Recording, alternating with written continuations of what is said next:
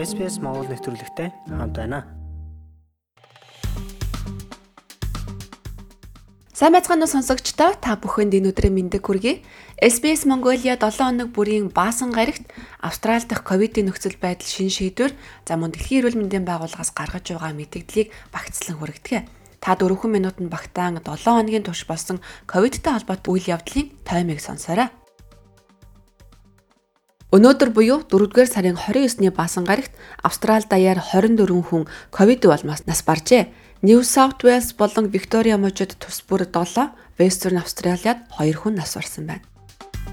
Өнгөрсөн 7 хоногт бүх муж бүс нутгууд ойрын хавтал болсон хүнийг заавал тусгаарлах журмаа зөөлрүүллээ. Western Australia, Northern Territory, New South Wales, Victoria, Queensland, Australian Capital Territory, Tasmania мужууд бүгд ийм шийдвэрийг гаргалаа. Хэрвээ та ойрын хавьтал болсон бол өдөр бүр өөрийгөө рад онцлуураар үзэж гадаа гарахтаа маска заавал зүүн мөн ажилдаа ойрын хавьтал болсон гэдгээ заавал мэдэгдэх ёстой. Эрсдэл өндөртэй газрууд буюу ахмадын асрах газар гэх мэт олон нийтийн газраар явахгүй байхыг зөвлөж байна. Үүнтэй адилхан South Australia мужи маргаашнаас буюу 4-р сарын 30-наас эхлэн ойрын хавьтал болсон хүн заавал тусгаарлагдах шаардлагагүй болжээ.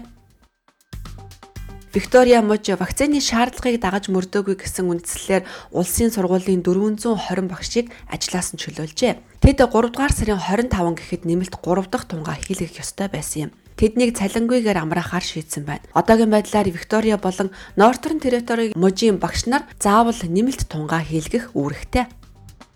Тэгвэл Queensland мужи COVID-19-ийн ойрын хавьтлыг судлах багийг татан буулгахаар болсон байна. Энэ баг нь өнгөрсөн оны 1-р сард байгуулагдсан бөгөөд нийт 15 мянган гаруй хүний холбоосыг мушигжээ. Одоо мужийн эрүүл мэндийн газар өндөр эрсдэлтэй гэж үзсэн хүмүүсийн ойрын хавьтлыг тогтоох ажлыг хийх юм байна.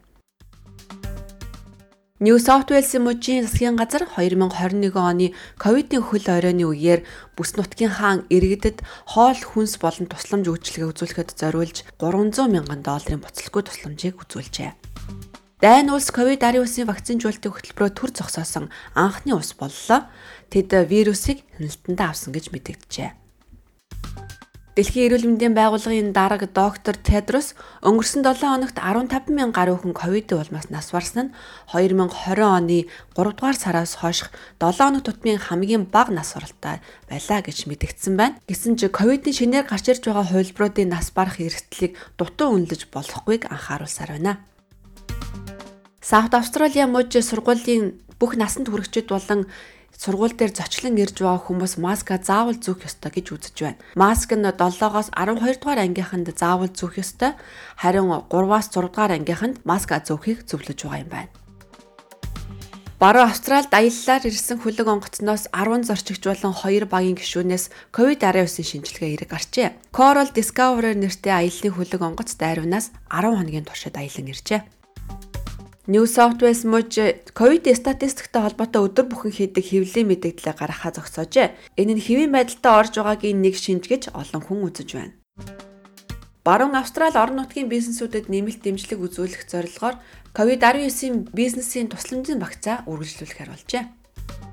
Цаг агаар хүйтэрч улирлын чанартай томоогийн халдвар нэмэгдэж байна. Ихэнх шинж тэмдэг нь ковидтай төстэй байдаг учраас ялгахад тун амаргүй. Тэгвэл та томоо болон ковидын шинж тэмдгийн ялгааны тухай мэдээллийг манай нэвтрүүлгийн тайлбар хэсгээс хүлээн авч үзээрэй.